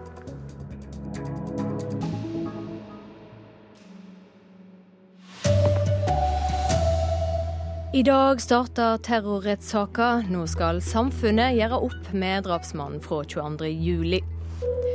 Det er ikke snakk om en talerstol, sier aktor, som mener det er viktig at tiltalte får snakke fritt i retten. Og politiet vil bruke ulike ruter hver dag for å frakte terroristen til og fra rettssalen. Her er NRK Dagsnytt klokka 7.30. Denne sendinga kommer i hovedsak til å handle om terrorrettssaker. Anders Behring Breivik har i politiavhør sagt at han ser fram til å spreie ideologien sin når rettssaka starter i dag. AUF-leder Eskil Pedersen ønsker ikke at gjerningsmannen skal få en talerstol. Men det er et viktig rettsprinsipp å la tiltalte få snakke fritt. Det sier statsadvokat Inga Beyer Eng. Jeg tenker at man ikke skal være så redd for å høre han snakke. Jeg tror det er viktig at vi får høre hans forklaring på hvem han er og hvorfor han gjorde det. Fra i dag og ti uker framover vil Anders Behring Breivik være i sentrum i Oslo tingrett. Omgitt av pressefolk som vil gjengi det han sier i retten. Flere har hevdet at de er redd for at Breivik skal få en talerstol i retten. Det er ikke Beiereng. Er Det ikke snakk om å få en talerstol eller ikke. Det er snakk om at han skal ha de rettighetene som enhver som er tiltalt i en straffesak har. Er du tiltalt i en straffesak, så har du rett til å forklare deg for retten. Anders Behring Breivik vil mest sannsynlig begynne å forklare seg i morgen. Det er satt av fem dager til hans forklaring.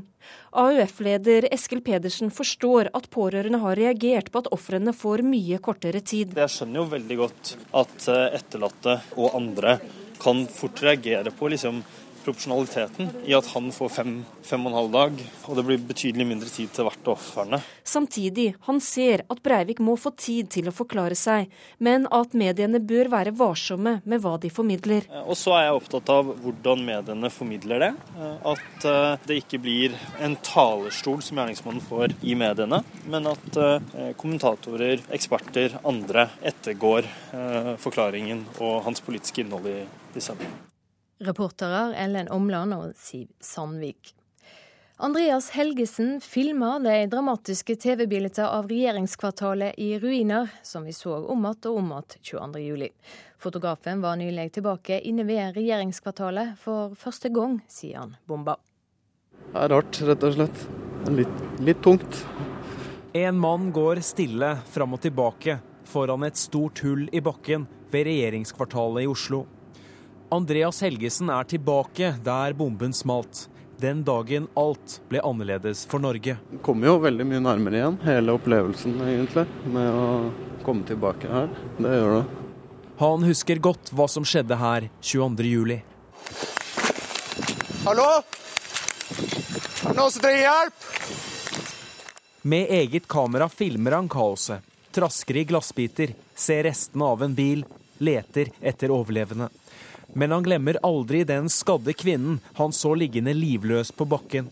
Helgesen setter seg ned ved siden av henne og prøver å hjelpe. Jeg prøvde å snakke til henne og bare vise at det var noen der. Strøk henne vel på hodet og blei sittende ved henne til jeg så en politimann, rett og slett. Første som kom, eh, han spurte jeg jo da hva skal jeg gjøre.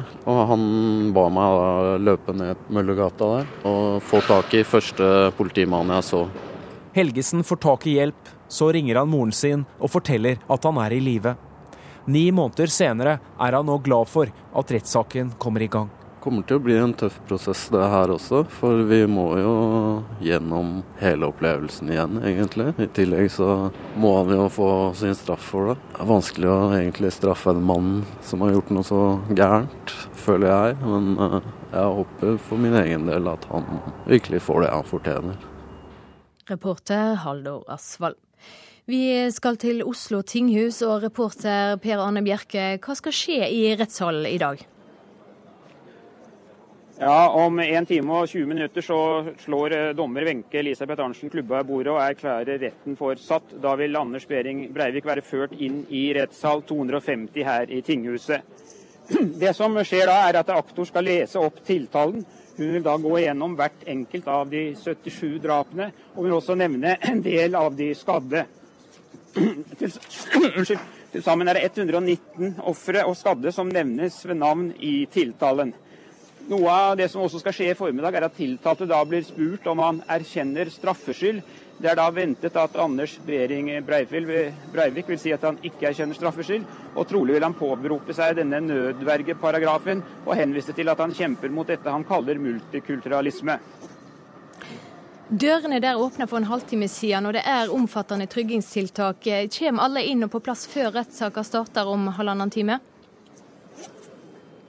Ja, jeg regner med det. Det er veldig lange køer bak meg her nå. Jeg ser de går rundt kvartalet her. og Det var litt forsinkelser også til å begynne med, men det er såpass mange innganger og så omfattende bemanning her at jeg håper det går bra. Men eh, det er veldig mange som skal inn her, og det er jo omfattende sikkerhetstiltak, som du nevnte. Det er politiet rundt her med maskingeværer. Det er vakter overalt. og Man eh, har jo satt i verk veldig strenge sikkerhetstiltak. og Alle vi som skal inn, må nå igjennom disse slusene som vi da kjenner fra flyplassene. Men eh, køen som jeg faktisk står nå midt i, den beveger Ja, Der mister vi reporter Per Arne Bjerke. Når settes klokka ni.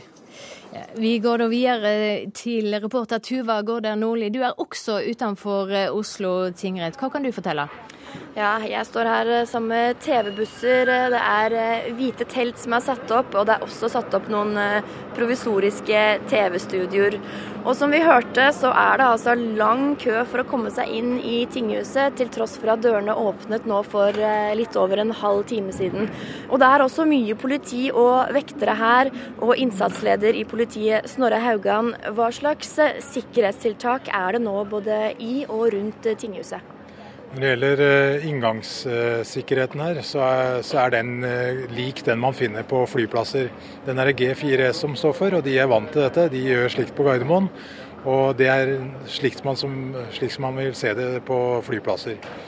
Det øvrige sikkerhetsopplegget, der har vi lagt gode planer. Vi skal sørge for at uh, denne saken blir gjennomført på en god og verdig måte, og slik at publikum skal kunne føle seg trygge. Når det gjelder rundt tinghuset her, er det mye som er sperret av? Eh, vi har regulert trafikken i noen grad rundt tinghuset, men eh, vi lar trafikk til virksomheter og kollektivtrafikk gå som normalt, så langt det er mulig. Er det sånn at eh, folk bør gå eller kjøre en annen vei til jobb i dag? Ikke nødvendigvis, men uh, i dette området akkurat rundt tinghuset så kan det være greit å, å velge andre traseer, fordi at det er regulert, slik at det er ikke alle som kan kjøre gjennom uten at de har uh, tillatelse til det. Det sa eh, det reporter her, det var Tuva Gaarder Nordli. Eh, reporter Eva Marie Strand, vi skal videre til deg. Rettssaker starter altså klokka ni. Når er det ventet at Breivik kommer til tinghuset? Ja, Det eneste vi vet er at han skal komme hit før klokka åtte, det er det vi har hørt. Men uh, etter det jeg vet så har han ikke forlatt Ila ennå. Og det er en ganske uh, omfattende tur han skal ha. Vi vet at den uh, korteste ruta tar ca. 25 minutter hvis de ikke kjører med blålys. Men hvis de kjører med blålys så kan det ta kortere tid. Og det er også, Vi har hørt at han skal kjøre ganske ulike ruter hver dag pga. sikkerheten. Så det er vanskelig å vite hvor lang tid de bruker til tinghuset, og det er vanskelig å vite hvordan eh, gater de skal kjøre. Hva, hva mer kan du si om tryggingsopplegget rundt den daglige transporten av tiltalte? Jo, altså det, for så kan du si at uh, syv gater er faktisk helt, helt, eller delvis avstengt her i Oslo sentrum for uh, at trafikken ikke skal oppholde transporten. Det er også lagt opp planer for at ikke den uh, kortesjen som kommer skal måtte stoppe for mye. Politifolkene som er med, som er bevæpna, har også da kontroller til ulike porter og bommer som man må passere. Akkurat nå så kom det enda en politibil inn her mot tinghuset, så står jo eh, tjukt med politi og venter på at eh, Breivik skal ankomme. Det går bevæpna politi rundt her og sjekker dører og sjekker eh, smug. Jeg så noen som sto og venta bak et hjørne her og bare trygger områder der det kan være folk som vil skade Breivik. For det er det som er tanken, at det er folk der ute som kanskje vil skade han, som vil oppsøke han. Det kan også være folk som er interessert, nysgjerrig, som har lyst til å ta kontakt underveis. Takk skal du ha, reporter Eva Marie Strand. Og NRK dekker rettssaker som er ekstrasendinger gjennom dagen. NRK Alltid nyheter sender fra tinghuset i hele dag fram til klokka 17. P2-dagen blir også prega. I stedet for vanlige program blir det samsending med NRK1 fram til klokka 16. Du kan òg følge rettssaker på NRK sine nettsider, og selvsagt på NRK Fjernsyn. Ansvarlig for eh, denne sendinga Erlend Rønneberg, teknisk ansvarlig Hanne Lunås, i studio Silje Sande.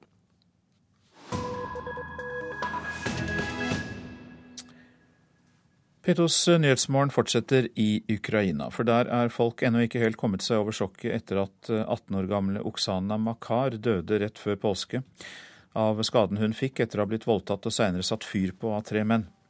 Brutal vold er ikke uvanlig i den tidligere Sovjetrepublikken, men denne saken har satt søkelys på et rettssystem og et samfunn som ikke kan garantere sine borgere et minimum av trygghet.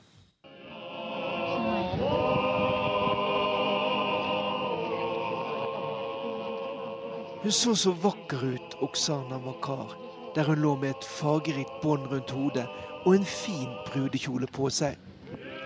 Men den 30. mars var ingen bryllupsdag for den 18 år gamle ukrainske jenten. Denne dagen ble hun begravet i landsbyen Lor, etter at hun dagen før endelig hadde fått fred for de utholdelige smertene hun fikk da hun natt til 9. mars ble voldtatt av tre menn, og senere kvelt og satt fyr på og etterlatt på en byggeplass i havnebyen Mykolajiv.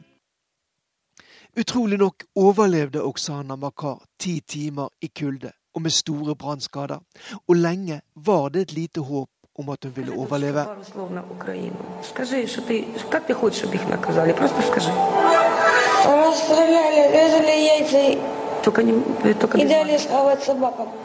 Hennes mor Tatjana filmet henne i sykesengen der Oksana med store smerter klarte å få fram at hun ønsket at de som voldtok og satte fyr på henne, skulle bli kastrert og skutt og deretter kastet til hundene.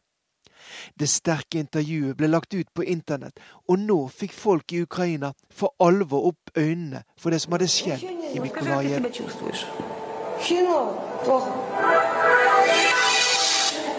For Oksana klarte å navngi dem som hadde voldtatt henne, og snart ble tre menn i 20-årene arrestert.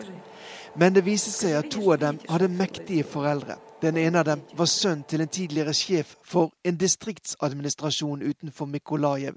En annen sønn til en statsadvokat. Disse to ble raskt løslatt, ikke minst fordi den tredje av de mistenkte, Jevgenij Krasnotsjok, tok på seg hovedansvaret for det som hadde skjedd. Ja.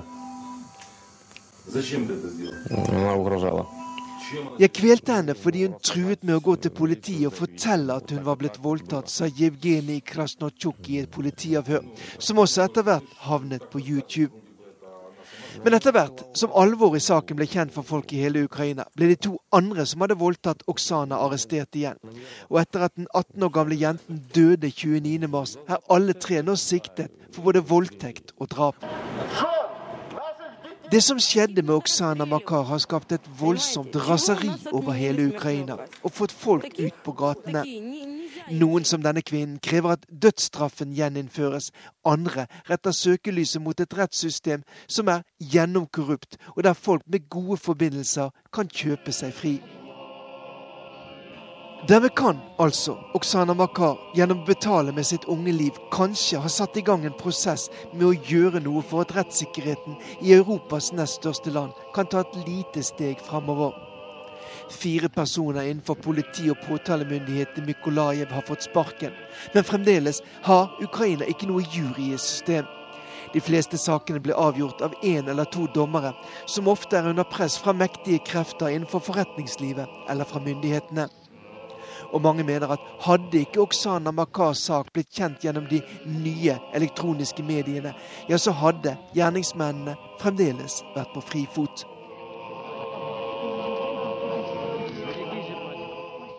Reporter var Morten Jentoft.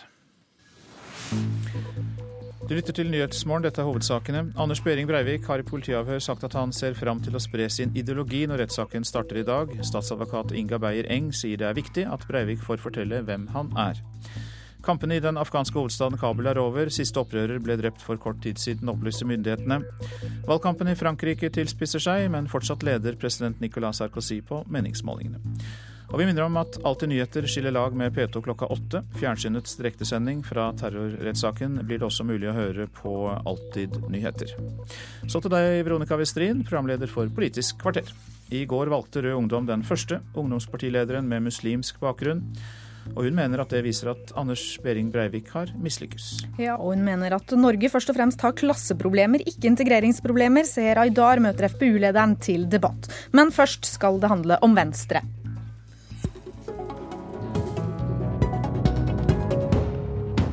Vel møtt til Politisk kvarter. I går åpnet Venstre for et samarbeid med Fremskrittspartiet ved et eventuelt regjeringsskifte i 2013. Og de valgte deg, Terje Breivik, som ny nestleder i partiet. Hvor viktig er det valget dere tok eh, mot 2013 i helgen? Nei, Landsmøtet var jo en virkelig uh, tung markering på at for Venstre er det nå helt maktpåliggende å bidra til å gi landet en ny, en ny regjering en ny grønn borgerlig regjering. En regjering som setter folk først, og som sikrer sterkere fellesskap. Og den kan bestå av Fremskrittspartiet? Ja, Venstre sitt regjeringsalternativ er en ny regjering bestående av Venstre, KrF og Høyre. Vetter av borgerlig flertall etter valget i 2013, vil vi ta initiativ til å samtale med alle opposisjonspartiene. Håkon Haugli fra Arbeiderpartiet. Før valget i 2009 så het det heller Jens enn Jensen. Hvordan reagerer dere i Arbeiderpartiet på helgens snuoperasjon fra Venstre? Altså Først vil jeg gratulere Terje Breivik som nestleder i Venstre. Men så, eh, klart, det vi nå ser, det er et historisk linjeskifte fra eh, Venstres side. De har gått fra å være et sentrumsparti til å være et eh, rent høyreparti.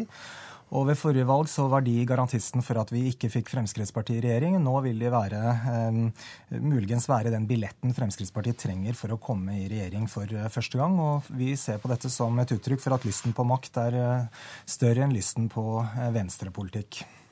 Ketil Solvik-Olsen, et av temaene hvor Venstre synes det er enklere å samarbeide med Fremskrittspartiet enn Arbeiderpartiet, er i innvandringspolitikken. For Arbeiderpartiet har plassert seg på yttersida av Frp, sa Trine Skei Grande i helgen. Har du en mildere innvandringspolitikk enn Arbeiderpartiet?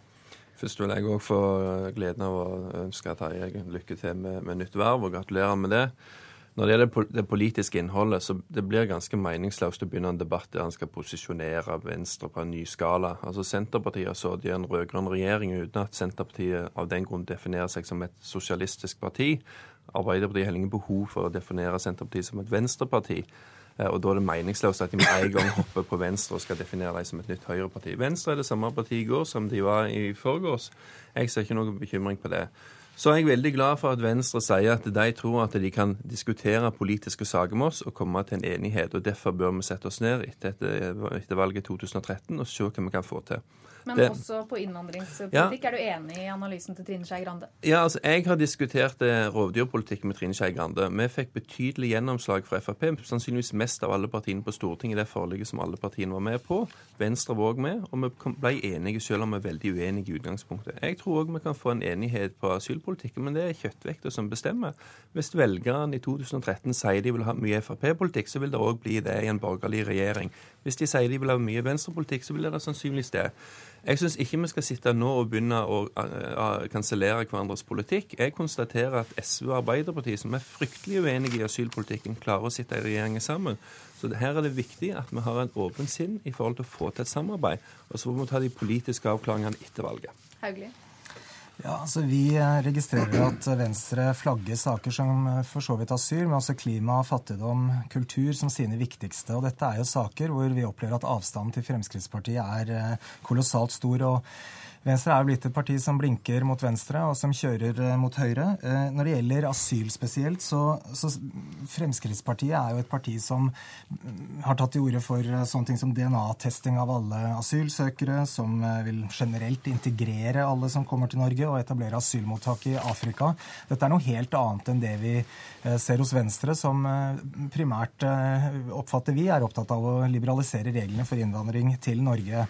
Eh, så her fremstår avstanden som stor, og vi har vanskelig for å se at det går an å finne et felles, eh, felles eh, asylpolitikk i samspill mellom disse partiene. Men jeg oppfatter jo at de er rørende enige her i dag. Ja, Breivik, er det slik at dere blinker til venstre, men kjører til høyre? Nei, Nå må jeg jo minne Håkon Haugli om at å komme i regjering handler jo primært om å komme til makt for å få gjennomført egen politikk. Og For Venstre så er det jo maktpåliggende å igjen innta regjeringskontorene for, for at Norge skal føre langt mer framtidsretta klima- og miljøpolitikk en helt annen kunnskaps- forskningspolitikk, verdiskapingspolitikk og en langt mer verdig velferdspolitikk. Og Da vil jo utgangspunktet til Venstre, når vi setter oss ned og samtaler med de andre partiene på borgerlig side etter valget 2013, så er det jo selvsagt sånn som Ketil Solsvik-Olsen sier, da er det egentlig den interne kjøttvekta som avgjør hvem av partiene som får størst gjennomslag, og hva, hva regjering du ender opp med. Altså, Vi er enige på borgerlig side om veldig mange ting. Og vi har vist det òg i året som har gått, ved å ha masse felles forslag når det gjelder helsepolitikk, senest nå når det gjaldt næringspolitikk. Så det er ikke tvil om at det er mye ting som binder seg sammen. Så er det òg sånn at vi har veldig ulik tilnærming til hvordan en skal tilnærme seg asylpolitikken, og hvordan en skal tilnærme seg klimapolitikken f.eks. Frp vil aldri være med på en politikk sånn som de rød-grønne har gjort, der du legger ned norsk industri for å kutte norske utslipp. Men Fremskrittspartiet har i årets budsjett foreslått å øke satsingen på grønn teknologi, på fornybar energiteknologi og sånne ting. Sånn at det er mange ting vi òg kan enes om, men det er ting som skiller oss. Men igjen, det å late som at asylpolitikken her gjør at det ikke er mulig å sette seg ned og diskutere engang, det er jo helt meningsløst all den tid denne regjeringen som nå sitter, åpent er uenige om mange ting, og til og med begynner å ha veto mot sin egen politikk for enkelte av regjeringspartiene. Så jeg syns Arbeiderpartiet kan ta og legge vekk akkurat den retorikkdebatten de har begynt med her. Og så skal vi på borgerlig side kunne sette oss ned, og så kan heller Arbeiderpartiet bruke tida for å finne ut hvordan de skal bli enige med SV om de vanskelige politiske sakene. Ja, Dette handler ikke om eh, retorikk i det hele tatt. og jeg tror kanskje vi nå er inne på noe av det verste med dette samarbeidet. Kanskje ikke de sakene hvor partiene i hvert fall tilsynelatende er uenige. Men det, kan, det, verste er kanskje sakene de faktisk er enige om. En arbeidslivspolitikk som gjør det enklere å si opp folk, skjenkepolitikk, distriktspolitikk, skatt, privatisering, tradisjonelle høyresaker. Og det vi ser i Stortinget, er jo at Venstre stemmer ofte for forslag som ligger til høyre for forslag som partiet Høyre fremmer.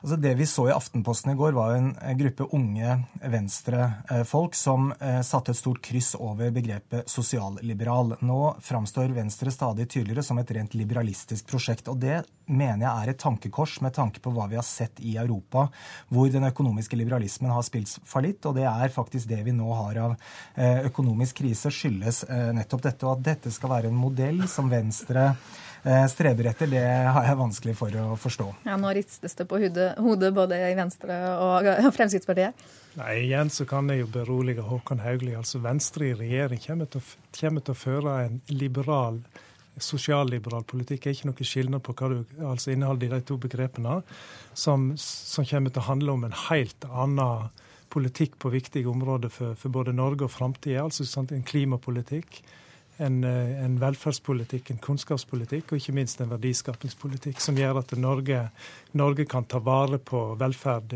i framtida. Sånn at Venstre vil jo ikke endre innholdet i sitt, polit, sitt politiske innhold eller noe ting, selv om, selv om vi skulle havne i regjering. Så... Ja, Hauglie, dere har jo ikke endra politisk innhold som følge av et samarbeid med, med SV? Nei, men jeg tror eh, Venstre som et sentrumsparti ville sett seg tjent med å kunne i hvert fall samarbeide begge veier. Og det er jo den døra de nå eh, lukker. Og jeg må jo si at beskrivelsen av Norge som et land i stillstand, altså denne liksom virkelighetsbeskrivelsen som Trine Skei Grande og Terje Breivik nå gjentar, det er et bilde jeg tror veldig få kjenner seg igjen i. Altså Norge har klart seg godt gjennom en økonomisk krise. Vi har lavere arbeidsledighet enn vi hadde da Venstre eh, var ja. i regjering. Og det gjennomføres store og viktige reformer bl.a. på helseområdet. Så her er det viktig at vi Jeg tror den virkelighetsbeskrivelsen den er feil, og det er på tide Venstre også realitetsorienterer eh, velgerne sine Ketil Solvik-Olsen, dersom KrF og Venstre til sammen blir større enn Fremskrittspartiet, kan dere da komme til å støtte en regjering dere ikke selv er en del av? Vi vil eh, gå til valg på at vi skal få til en borgerlig flertallsregjering. Vi ønsker å være en del av den. Hvis det, noen ønsker å ekskludere oss, så syns jeg de skal være anstendige nok til heller si nei takk til samarbeid sjøl, framfor å prøve å holde andre ute. Ja, Men dersom men, eh, Venstre men, sammen med KrF blir eh, større enn dere? Fordi jeg har tro på at det signalet Venstre nå har gitt, vil betyr at vi setter oss ned diskuterer og at vi klarer å komme til enighet. Men jeg tror det som er problemet for Arbeiderpartiet, som gjør at de nå engasjerer seg i denne debatten, det er nettopp det Hauglie nå sa. Venstre sier nå hvor de vil samarbeide. Det betyr at de vil ikke samarbeide med Arbeiderpartiet. Det betyr jo at Arbeiderpartiet nå ser at det flertallet de har styrt med i 20 år, det vil ryke med neste valg, fordi at de mister potensielle ytterligere samarbeidspartnere. Det bekymrer de, fordi at de har ikke flertall på målingene. Det har ingenting med, med bekymringen for Venstre sin situasjon. Det har med Arbeiderpartiet sin tilgang til makt. Nå har de altså sittet i sju år. De har en betydelig grad av maktarroganse, og det er nok det òg Venstre her kritiserer de for. Siste ord til deg, Terje Breivik, kort til slutt. Vedtaket deres helgen betyr vel i praksis at dere vil støtte en regjering bestående av Fremskrittspartiet, Høyre og KrF, men ikke selv sitte i regjering, dersom, dersom oppslutninga rundt partiet holder seg sånn som nå? Nei, Vedtaket betyr igjen, som jeg sa innledningsvis, eh, to, to ting i hovedsak. et nytt eh, et borgerlig flertall skal gi borgerlig regjering hvis det, hvis det, står og faller på Venstre. Venstre sitt regjeringsalternativ er primært Venstre, KrF, Høyre. Og så er vi innstilt på å samtale med alle, alle posisjonspartiene for å få stabla på beina i ny borgerlig regjering. Takk til dere, Ketil Solvik-Olsen, Håkon Haugli og Terje Breivik.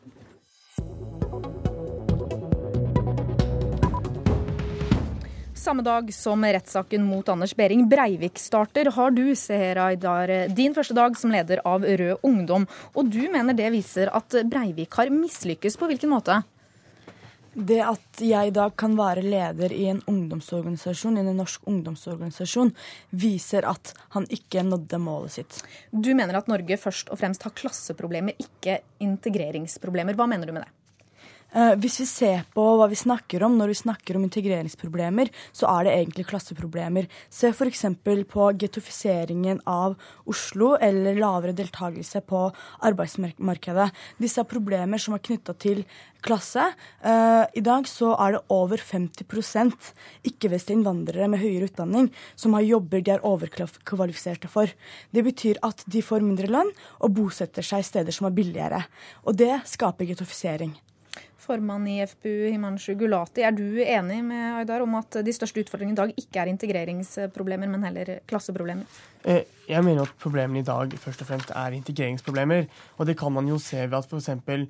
sysselsettingen blant, hvis man ser på somaliere, er på 30% hvor tre av ti somaliere jobber i dag. Og den er annerledes for andre grupper.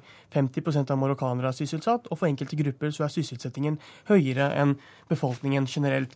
Det viser jo at det er integreringsproblemer vi har, og at integreringsproblemene er større i enkelte innvandrergrupper enn andre innvandrergrupper. Og Hvis vi også ser i USA, hvor somaliere gjør det veldig bra på arbeidsmarkedet og i stor grad er sysselsatt, mens ø, situasjonen er omvendt i Norge, så viser også det at norsk politikk har en veldig passifiserende innvandringspolitikk som gjør at folk uh, ofte havner utenfor arbeidslivet enn istedenfor å være godt integrert. Jeg ser, Aydar, Er ikke nettopp disse arbeidsledighetstallene et eksempel på at, at, at det er integreringen som svikter, og at det, det, er problemet som skaper disse sosiale forskjellene? I dag er det jo 25% mindre sjanse til å få jobb hvis du har utenlandsk navn. Det er problemet med uh, arbeidsmarkedet. Det betyr at jeg har mindre sjanse til å komme inn i arbeidslivet. Det er problemet. Det er ikke det at jeg ikke vil. Det er langt flere som ønsker det. Og jeg mener at hvis vi skal løse disse problemene, så må vi se på boligmarkedet og arbeidsmarkedet. Da må vi ha inkluderende og rettferdig arbeidsliv, og da må vi ta bolig ut av markedet og ha sosial boligpolitikk. Og vi ser at høyresiden ikke har lyst til å løse disse problemene. Se på Oslo, der byen er helt delt. Det kommer ikke av seg selv. Hva vil dere gjøre for å løse disse problemene? Jeg er helt enig at man må også gjøre det enklere for innvandrere å komme inn på arbeidsmarkedet. Blant annet så syns jeg at midlertidige ansettelser vil, terskel, nei, vil senke terskelen for at flere får en fot innenfor, og dermed også får en større sjanse for å få jobb enklere. Det gjelder ikke bare innvandrere, det gjelder også ungdom og andre grupper. Men vi er nødt til å se på at hvis vi sammenligner eh, grupper igjen For somaliere så er det 30% som er eh, sysselsatt. For andre grupper er også tallet under 50% mens noen grupper, f.eks. srilankere, så er nesten 70% sysselsatt. Og dette er også personer som kommer fra krigsområder, har kommet der som bl.a. flyktninger og asylsøkere. Så vi er nødt til å se på hva gjør at noen grupper er bedre integrert, og da prøve å gjøre det samme med andre grupper. For det er først og fremst integreringsproblemet vi har i Norge. Heldigvis er, vi i et land hvor klasseskillene ikke er så store, og da må vi ta integreringsproblemene på alvor. Ærlig talt. Uh, nå driver det og deler folk i nasjonaliteter, så det svir. Jeg mener f.eks. jeg bor i Groruddalen, for det var det jeg hadde råd til. Og det tror jeg de fleste gjør. Jeg bor ikke der fordi at jeg syns det er kjempeeksotisk med innvandrere, på en måte. Eh, og når det gjelder folk som, eh, når det gjelder eh, midlertidige ansettelser, så mener jeg at alle har rett på faste ansettelser for å ha trygg arbeidsliv. Både nordmenn og innvandrere. Og det er nettopp det det handler om. At folk skal føle seg trygge. Faktum er jo at forskjellen i sysselsettingsandelen er veldig veldig stor blant grupper. og Da må vi også tørre å se på hva som er forskjellen på de ulike gruppene, og hva vi kan gjøre for å bedre integreringen. Vi må nødt til å avslutte der, men vi kommer helt sikkert til å høre mer fra dere, Seher Aydar. Du har din første arbeidsdag som leder av Rød Ungdom i dag, og takk også til deg, Himanshu Gulati. Nå går Alltid nyheter ut av Nyhetsmorgen og sender fra rettssaken sammen med NRK1. Og P2 de sender fra rettssaken klokka ni. Det var alt fra oss i Politisk kvarter. Takk for nå. Du har hørt en podkast fra NRK P2.